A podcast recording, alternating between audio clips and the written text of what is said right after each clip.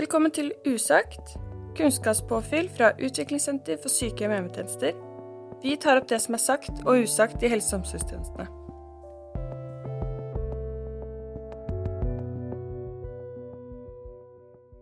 Er vi egentlig gode nok i observasjonskompetanse i helse- og omsorgstjenesten? Velkommen til del to av observasjonskompetanse og handlingsberedskap sammen med Patrick fra USHT. Forrige episode fikk vi høre litt om utfordringsbildet i dagens primærhelsetjeneste. Nå vil vi se litt mer på hvordan vi kan anvende low dose high frequency for å vedlikeholde og øke observasjonskompetansen og handlingsberedskap i tjeneste som er under et konstant høyt driftstrykk. Og hva mener du egentlig med det, Patrick? Jeg mener med det, er, er prøve å visualisere litt hvordan vi har det i tjenestene. da. Eh, driftstrykk er kanskje et, et rart ord, men jeg, jeg, tenker hvis du har da Hvis du kjører en tank, da, eh, eller et, et lokomotiv, eh, et, et sånt damplokomotiv, så må du ha et visst trykk. Og så kan du, for å få den til å gå fortere, så må du øke da trykket i tanken for at det skal gå enda fortere. Og så for å få det til å gå enda fortere, så må du ha enda høyere trykk. Og da begynner det å komme opp i, i rød sone et eller annet sted, for da blir trykket så høyt at driftstrykket til slutt gjør at hele tanken eksploderer. Og jeg lurer på om vi kanskje er der snart i tjenestene. At vi har så høyt driftstrykk og har så høyt trykk at vi rett og slett eksploderer. Det er jo ikke bra. Nei, det, det vil jeg være enig med deg og si at det ikke er så bra. Men hvordan tenker du Hvordan skal vi ikke komme dit, da? Nei, og, og, det er jo mange som tenker de tankene hvordan vi ikke skal komme dit. Um, jeg tenker jo sånn som vi snakket om forrige gang, om observasjonskompetanse som en grunnmur i tjenestene våre. Og det tenker jeg også er fordi at uh, mange er utrygge. Mange er utrygge å komme i tjenestene. Jeg vet jo at det, en eller annen grunn da, så er jo dette med opplæring i helsevesenet er satt av tre dager. Og der skal du gå alene etter dag nummer to. Og så sitter man og spør da om hvorfor er det sånn at ansatte som kommer inn døra, de går ut igjen, og de blir borte. Jeg selv jobba et sted der man hadde denne premissa, og da kommer det gjerne de nye og de dårligst eh, skolerte. Kommer da inn fredag kveld og jobber da eh, opplæringsvakt på lørdag og søndag med tre forskjellige, og så skal de gå alene første dag på mandag kveld. Og de kommer jo aldri tilbake mandag kveld. Ellers så kom de mandag kveld, eh, og så gjorde de mye rart, og så ble de borte igjen. Og så stiller man spørsmål om hvorfor skjer dette. Jeg, jeg tenker at Det handler jo om hele kulturen for hvordan vi legger opp opplæring. Hadde dette vært i offshore-bransjen, så hadde det jo aldri vært sånn. Du får jo ikke tre dager og skal gå aleine på boreriggen etter dag nummer to. Eh, det hadde jo vært et helt annet system. Men så må vi også se at vi er jo pressa, og så må vi se på alternativer, hvordan vi legger opp opplæring. Vi har jo en sånn veldig tendens til å eh, gå mot at vi skal drive med eh, undervisning. Og så måler vi da eh, det vi gjør. Eh, at vi er kjempeflinke hvis vi har si 100 ansatte, og 90 av de eller 80 av de har vært på kurs. Og så måler vi da kursgjennomføringen. Men vi ser ikke noe output, altså vi ser ikke noe effekt av det. Det måler vi ikke. Samme med e-læring. Jeg, jeg, jeg, vet ikke hvor mange titusener av timer med e-læring hver ansatt holder på med. Men likevel så har vi ekstreme høye avvikstall og feil i forhold til legemiddelhåndtering.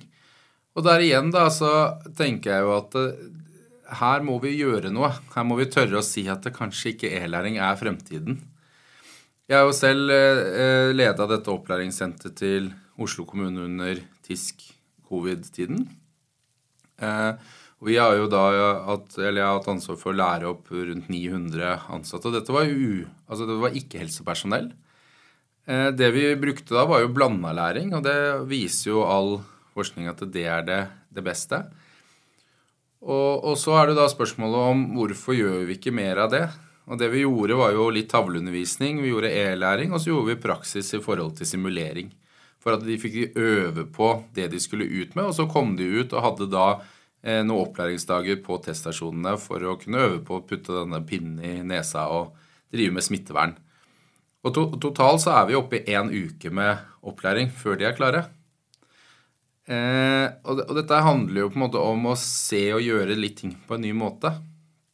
Hvis vi går også da inn, også, kan man jo være litt tørr på det og si hva er det man har plikt i helsevesenet å gjøre. Hvis vi går på forskrift for ledelse og kvalitetsforbedring, så ser vi jo tydelig at eh, paragraf 7, plikt til gjennomføre, sier jo noe om at eh, medarbeiderne i virksomheten skal ha tilstrekkelig kunnskap og kompetanse til å utføre jobben sin på en eh, faglig forsvarlig og god måte.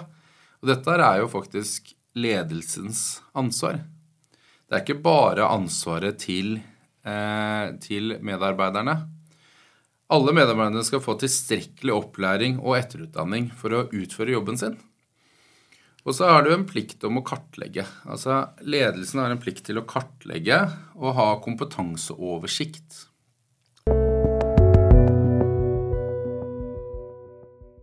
Så hvis vi skal prøve å sette litt i den daglige driften, da, og med bakgrunn i observasjonskompetanse eh, Så hvordan, hvordan tenker, man, tenker, du at man skal få til det, da? Både kartlegging, gjennomføring av opplæring.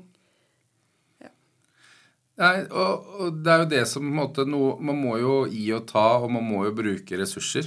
Eh, men, men, det å En sånn low dose, high frequency tankesett som Lærdal Medical står litt bak og, og, har noe forskning rundt, viser jo dette her med at eh, det vi gjør i hvert fall i dag, da, med å ha f.eks. e-læring en gang hvert andre år, med å ha fagdager eh, en gang i året, det har dårlig effekt i forhold til kunnskaper. Fordi at når du får opplæring i januar, og så er det et år til neste gang du skal gjøre det, så mister du kunnskapene dine. Og det var som vi snakket om i forrige episode, dette med at vi, vi mista observasjonskompetansen under covid-pandemien, fordi da vi, ble vi veldig gode på å vaske hendene. Men det var jo fordi all opplæring i observasjonskompetanse også ble borte. Altså Det vi fokuserte på, var opplæring i eh, å vaske hender. Og når vi driver med det i to år, så vil jo da kompetansen vår på de andre feltene falle. Eh, Isteden tror jeg vi må begynne å se på ting i en helhet. Altså vi må øve på observasjoner, men å linke det opp til de andre fagområdene. Ernæring, palliasjon, eh, sår det vi, det vi, driver med, da. Mm. Og så tror jeg vi må, må få det inn på eh, risikotavlemøter. Vi må få det inn på personalmøter, morgenmøter. Så må vi begynne å stille mer disse spørsmålene. Jobbe pair to pair, altså to kollegaer jobber sammen med å kunne hver dag f.eks. bare så enkelt som å ta et skjeveløft eller eh, måle blodtrykket eller fylle ut eh, MST-skjema. Altså hvordan gjør vi det? Hvordan dokumenterer vi? Hvordan bruker vi ABC? Eh, ofte er det jo sånn at når jeg ser på læring når vi er ute, så sier jo mange av kommunene at de ønsker at vi skal lage caser, for caser er veldig vanskelig å lage. Og Det syns vi også er veldig vanskelig å lage. Eh, og det er fordi at det, det blir fort veldig komplisert. Det blir jo ikke så praksisnært, på en måte. Eller det er vanskelig å lage det praksisnært når vi ikke sitter i din avdeling, på en måte. Ja, det gjør jo det. Og så blir det også sånn når man skal gjøre det, så blir det eh, litt sånn det blir for komplekst. da. Jeg tenker at Hvis man går ned og bare ser på hva er det vi faktisk, hva er læringsmålet her nå Læringsmålet er f.eks. i CleanOps eh, så er det å lære ABC-metodikken. Caset er jo da bare at du skal gjennomføre en ABC gjennom altså måling, kanskje med og uten utstyr, av en kollega. Altså Det er det du skal gjøre. Du, du skal ikke, vi skal ikke ha en tjenestemottaker X som har nyresvikt, hjertesvikt, har en eh, mild eh, kognitiv svikt og, og, et hjerneslag oppå der igjen.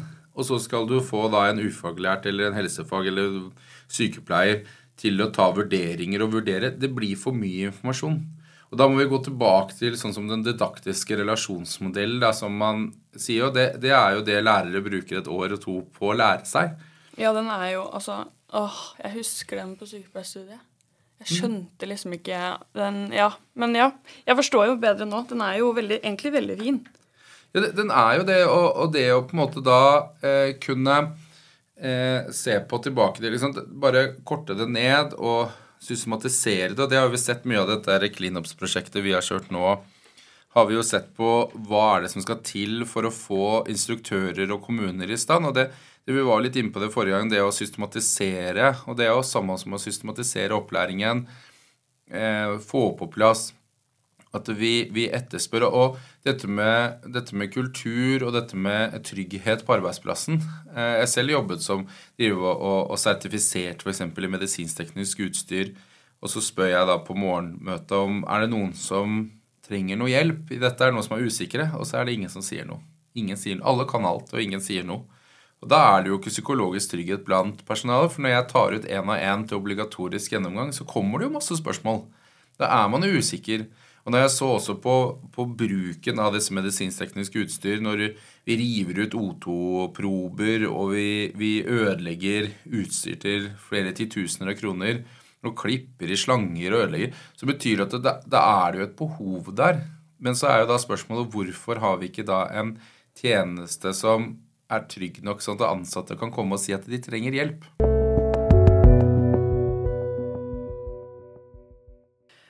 Men hvordan skal jeg da som eh, avdelingsleder eh, klare å få det til? Og også, vi snakker jo også mye om ressurspersoner, og vi snakker om instruktør, og vi snakker om fasilitator, i hvert fall i cleanups. Hva, hva skal det til for at en instruktør og en avdelingsleder skal lykkes med dette i avdeling? Nei, og, og det, jeg, det, jeg, tror, det vi finner, det vi ser der som lykke, lykkes med dette, er jo der man har ledere Og det går jo ned rett og slett til lederen. Altså der, der man har ledere som greier å, å, tørre å si og få mulighetsrommet da, til å si f.eks. at vi det og det prosjektet, det kutter vi ut. Vi skal fokusere på dette her nå. Og, og vi vet jo f.eks. at hvis man skal fokusere være vellykket i ernæringsarbeid, så fokuserer vi på det. Utfordringen er bare at da mister vi det andre. Der vi ser vi lykkes, er at man får til å eh, få til alle disse fagområdene samtidig. Og, og, systematisere det. Og så må jo vi også som USHT og vi som andre aktører må jo også bli flinkere til å hjelpe tjenestene i at vi må ikke kjøre ut hva vi syns er viktig nå. Vi må ha respekt for at eh, dette må vi være med å tygge og kanskje kjøre da mer tverrfaglig opplæring ut. At vi kjører observasjonskompetanse sammen med ernæring, sammen med palliasjon, sammen med etikk, istedenfor å bare kjøre ett og ett fagområde. Eh, som avdelingsleder så handler det om å sette fokus på det. Det handler om å ha medlytt i forhold til Hvis man har satt bort det fagansvaret til en fagsykepleier f.eks., så må man jo ha første møte med fagsykepleiere, sånn at man kan lytte til hva er det som faktisk er behovet. Og så tror jeg det å, å som jeg sa igjen, at eh, det å tørre å si nei til ting Det å si på en måte, hvis man, Sånn som observasjoner, man ser at nei, vi har ikke, har ikke rom for det nå, så si, da setter vi det på vent og fokusere på ting. Men jeg tror samtidig det å ta det opp hver eneste dag, altså uh, smålæring, da, low dose high frequency, at vi greier hvert tavlemøte, hvert personalmøte, uh, hver gang vi har en gjennomgang, at vi da drar opp noe læringsøyemed der, og bruker da alle, at, at ledere er også med på å fremme helsefagsarbeiderne. At de får lov til å gjøre, sånn som jeg var inne på sist gang, at vi, vi har da et nivåinndeling der at du har en bronseinstruktører som, som, fokuserer på A, B, C, D og HLR. Og så vil jo de på sikt da kunne utvikle seg til å bli på et sølvnivå der det driver mer med kanskje simulering, case-trening og mer avansert opplæring. Og så har du noen da som er på et gullstandard, som er rendyrka fasilitatorer, som vi kaller det, som da driver mer med eh, simulering, men også at de støtter de andre. Og det er det vi, eh, det vi andre instruktørene, og det er det vi ser i mange kommuner nå. At de kommunene som får det til, har et system på dette. At de blir ivaretatt. At de har et nettverk innad i kommunen sin. Eh, at de ivaretar disse instruktørene. Det er kommunene som strever litt mer, ser vi at man har ikke system. Altså, Man ser at disse på et bronsenivå, eller de som er ute nyutdannede instruktørene, de har ingen å spørre. Så det du sier da, er at vi, vi trenger et instruktørteam, eller et eh, miljø i kommunen, der man kan støtte seg på hverandre, men også at avdelingslederen, eller din leder, er på, spiller på lag med deg. Og det handler jo kanskje litt om også hvilke forventninger man har til hverandre. Hvor mye tid trenger jeg som instruktør? Og da er jo den diadaktiske relasjonsmodellen ikke sant? utgangspunktet i den. Hvor mye trenger jeg av tid til å klare å gjennomføre dette her? Hvordan tenker du at vi skal gjennomføre dette her? For det er jo viktig at leder også bygger opp under det som instruktøren veileder om, eller kurser om. Eh, og så når du sier det å dra det inn i hverdagen, og da tenker jeg liksom ok, Hvis jeg hadde vært instruktør da, og jobba i hjemmetjenesten, for der er det jo veldig vanskelig å møte alle, ikke sant mm. eh, hvordan, Bare sånn spesifikt, hvordan kunne jeg ha gått gjennom f.eks. Eh, trinn 1 da, i Klinops kommune? Um, I en organisasjon, eller i en da, for å starte, Hvis du starter helt fra, helt fra starten, så, så, er det jo det først må vi utvikle en, en sånn lærende organisasjon i kultur for det. Så at alle ansatte er med på den, den, dette ballet her. Og så må vi utvikle disse medarbeiderne som skal bli instruktører, til å bli instruktører. Og så må vi jo gi de rom for det. Og så med denne kulturendringen så må jo også medarbeiderne bli vant til at f.eks. lunsjpausen handler om faglig innspill. Altså det er der du driver med faglig utvikling. Også i de tidrommene der det er dødvolum. Altså når du er ferdig med lista di og du er tilbake på, på posten din, eller bak på arbeidsstedet ditt, da driver vi med faglig input der. Da kan vi gå to og to sammen, eller vi kan gå flere som øver. Leder må da legge til rette for dette hele tiden.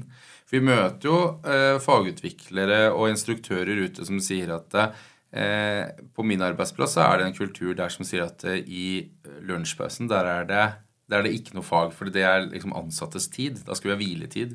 Eller at det er så slitsomt i hjemmesykepleien at når du da kommer inn og du er ferdig på ruta di klokka to eller halv to, så slutter du egentlig tre, så, så, har du da en time, og den skal man sitte og slappe av på.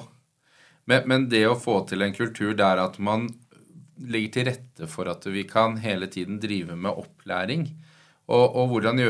For eksempel, eh, et eksempel fra vertskommunen Lørenskog, som har gjort da, men det var på sykehjemmet, men det er jo å dele opp f.eks. ABCDE i bokstaver. Så vi har en A-uke og en B-uke. Og så øver man på hver av de ferdighetene og det som både skal observeres, og ferdighetene. Én og én uke. Og så går man da gjennom og, Men for å lykkes så tror jeg vi må ha flere enn én instruktør. Altså Vi kan ikke ha én fagutvikler eller bare sykepleieren som er koordinerende, som skal i tillegg til det lage lister, den skal svare på pårørende, den skal drive med det. Her må vi ha opp fag, eller helsefagsarbeideren. Og jeg tror at det blir som jeg sier, en kulturendring der vi får en lærende organisasjon. At alle er villige til å stille spørsmål og til å ønske å lære noe. Mm. Og det er, spiller ikke rolle om egentlig om det er, for dette kan vi da bruke videre fra observasjonskompetanse inn til andre fagområder som ernæring, fall, vold og trusler, palliasjon, legemiddelhåndtering og videre, videre, videre. Ja, fordi når man på en måte føler at man er trygg på observasjonskompetanse, så kan man bygge på hvordan du observerer underernæring. Mm. Ikke sant? Eh, og da bygger du på observasjonskompetanse i andre fagområder. Ja. Og det er jo det vi tenker er viktig for å få en flyt, da, og ikke ha det derre ett fokus på ett sted. Ja, Også, og fordi at det er mange som har f.eks. en sånn kompetanse Der jeg har vært, da, så er jeg jo fjernet det med en sånn der månedsplan eller årsplan at eh, mars, der er det dokumentasjonsmåneden.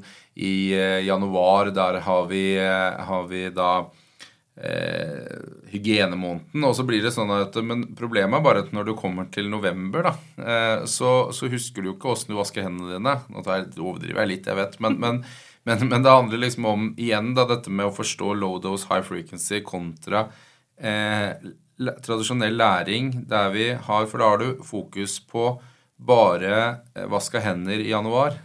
Men det burde du egentlig ha fokus på hele tiden.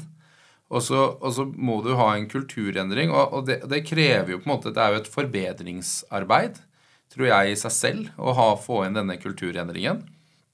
Og jeg tror at du bruker vedvarende forbedring. og Der er du tilbake til forskrift også for ledelse og kvalitetsforbedring, som henviser til at den sier at alle burde ha da forbedringsarbeid, altså kunne noe om forbedringsarbeid. Altså Det er et av læringsmålene. Og kunne også noe om vedvarende forbedring og, og forbedringssirkelen i forhold til da det å forberede og, og, det å ha med seg folka. Og det er tilbake til denne lærende organisasjonen, da. Som ledere, mange på, på lederstudier snakker man jo mye om den lærende organisasjonen. Eh, men dette her er egentlig det samme. Altså det, det, er det samme, bare man bruker andre ord og uttrykk. Ja, fordi forbedring, altså hva, hva, er det? Vi bruker det veldig ofte. Og vi har jo læringsnettverk, og vi har ikke sant, alt skal forbedres. og hva, hva Men hvordan eh, Hvis jeg ikke er i kontakt med utviklingssenteret og skal se på eh, lovforskriften, og OK, jeg skal drive med forbedring, men hva, hva er det?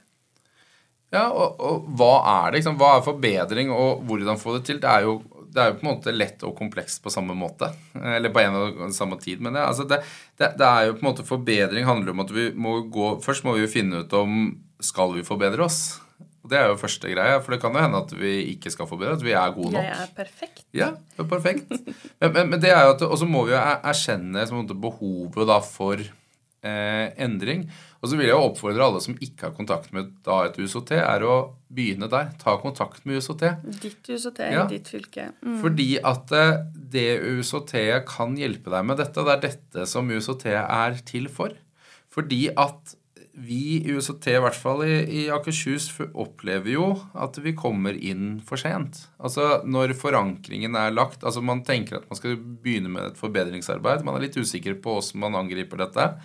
Men, Kommunen har ansatt en prosjektleder, ja. det er satt i gang, det er, liksom, det er skrevet en handlingsplan eh, eller prosjektplan, mandat. Og noen ganger så har man outsources dette da, til, til, eh, til firmaer. Eh, og så setter man i gang, og så ser man jo at dette her blir jo tøffere eller vanskelig. Eller så trenger man da kurs, og da kontakter man USHT. Eh, og det kan man sikkert også få, få hjelp til, men, men, der vi skulle ønske vi kunne komme tidligere på, var allerede i den planleggingsfasen. Ideen, liksom? Ideen mm. før egentlig det at man kunne satt seg ned og sett på hva er vårt behov. Og at USOT kunne vært med på denne reisen sammen med kommunen. Og kanskje kunne vi sett at det er en kommune ved siden av som har de samme utfordringene, eller stiller de samme. Så kan man jo få hjelp av hverandre. Eh, og så er man jo flere kommuner som kan gjøre det samme. Og da begynner man jo på en måte med en gang å få ned kostnader. Da kan man jo dele erfaringer. Og da blir jo ting mye mer strukturert. og jeg ser jo på en måte sånn som Hvis vi går tilbake til observasjonskompetanse Det å ha en struktur der man kan se for seg at du har en hovedinstruktør som ivaretar disse andre instruktørene. Og da kan du, Det kommer jo an størrelsen på kommunen, men kanskje du trenger to eller tre hovedinstruktører som igjen har kontakt med sånn som i Akershus, i hvert fall, med sitt USOT. Eh, og så kan jo denne instruktøren her da gi opplæring og, og hjelpe og bistå instruktører som f.eks. er på sektor-virksomhetsnivå, eh, som igjen da gir hjelp til ressurspersoninstruktører på avdelingsnivå. Mm. Og her jo, blir jo sikkert noen forvirra, for man kaller jo disse her forskjellige, men, men avdelingsnivået i denne sammenheng er det laveste nivået. ikke sant? Eh, sektornivå er jo da f.eks. sykehjemmene, hjemmetjenestene. Og der er man organisert på forskjellige måter. men vi ser at denne strukturen her, den bør man ha på plass. Og her kunne man jo tenkt seg at det, eh, hvis to-tre kommuner slår seg sammen og har eh, flere hovedinstruktører som da skaper et nettverk, så blir det sånn at hvis kommune A plutselig mister sin hovedinstruktør, for den skal i en ny stilling, så har kommune B og C har også hovedinstruktører, sånn at de kan da hjelpe kommune A til å få en ny hovedinstruktør igjen. Og gi opplæring, på en måte. Og gi opplæring, og da, og da kollaberer ikke strukturen, for det er jo det vi ser i dag. At mm. vi, vi, gir opplæring, og så er man fornøyd, og så går man videre. Og så ser man at uh, et år etterpå så trenger man da en eller annen opplevd sertifisering. Og det er også viktig å ha med at i cleanups-arbeidet så har man tatt bort sertifiseringer og sånn. Altså, det skal i utgangspunktet være mulig å lese seg opp på det fagstoffet som er der, og begynne undervisning på trinn 1 til 3 uten noe mer form for kurs. Men er man usikker, så tar man kontakt med sitt USHT. Så bra. Altså, vi, som sagt eh, Vi kunne ha snakket om dette her i evigheter. Og vi, eh, som dere hører, så har jo utviklingssentrene masse å tilby. Både innenfor forbedringsarbeid, observasjonskompetanse, cleanups, Altså, vi har ganske mye, og vi har også ulike temaer som vi tok opp i, i første episode med, med Anne og Hilde-Marit. Um, men tusen takk for at du kunne bli med på del to også. Um, det er veldig gøy å prate med deg. Så, um, så må vi takke for oss. Jo takk, jeg fikk være med. Det er kjempehyggelig. Jeg håper at jeg får komme mer og prate. Ja. Og hvis noen lurer, så er det bare å ta kontakt. Absolutt. For deg som lytter, så skal vi i neste episode snakke om eh, hva det betyr å bo trygt hjemme, sammen med filosof og helseteknolog Sigvart Aasrud eh, Midling Hansen. Her vil dere få, litt, få, høre litt om hvordan helseteknologi kan være løsning for å føle seg tryggere i eget hjem. Så følg med videre. Og uansett, takk til deg, Patrick, og takk for i dag. Så håper jeg alle får en fin dag, så høres vi. Ha det! Ha det! Dette er en podkast fra Utviklingssenter for sykehjem og hjemmetjenester, hvor vi snakker om det som er sagt og usagt i helse- og omsorgstjenestene. Lik og følg oss på Spotify og Apple Podkast.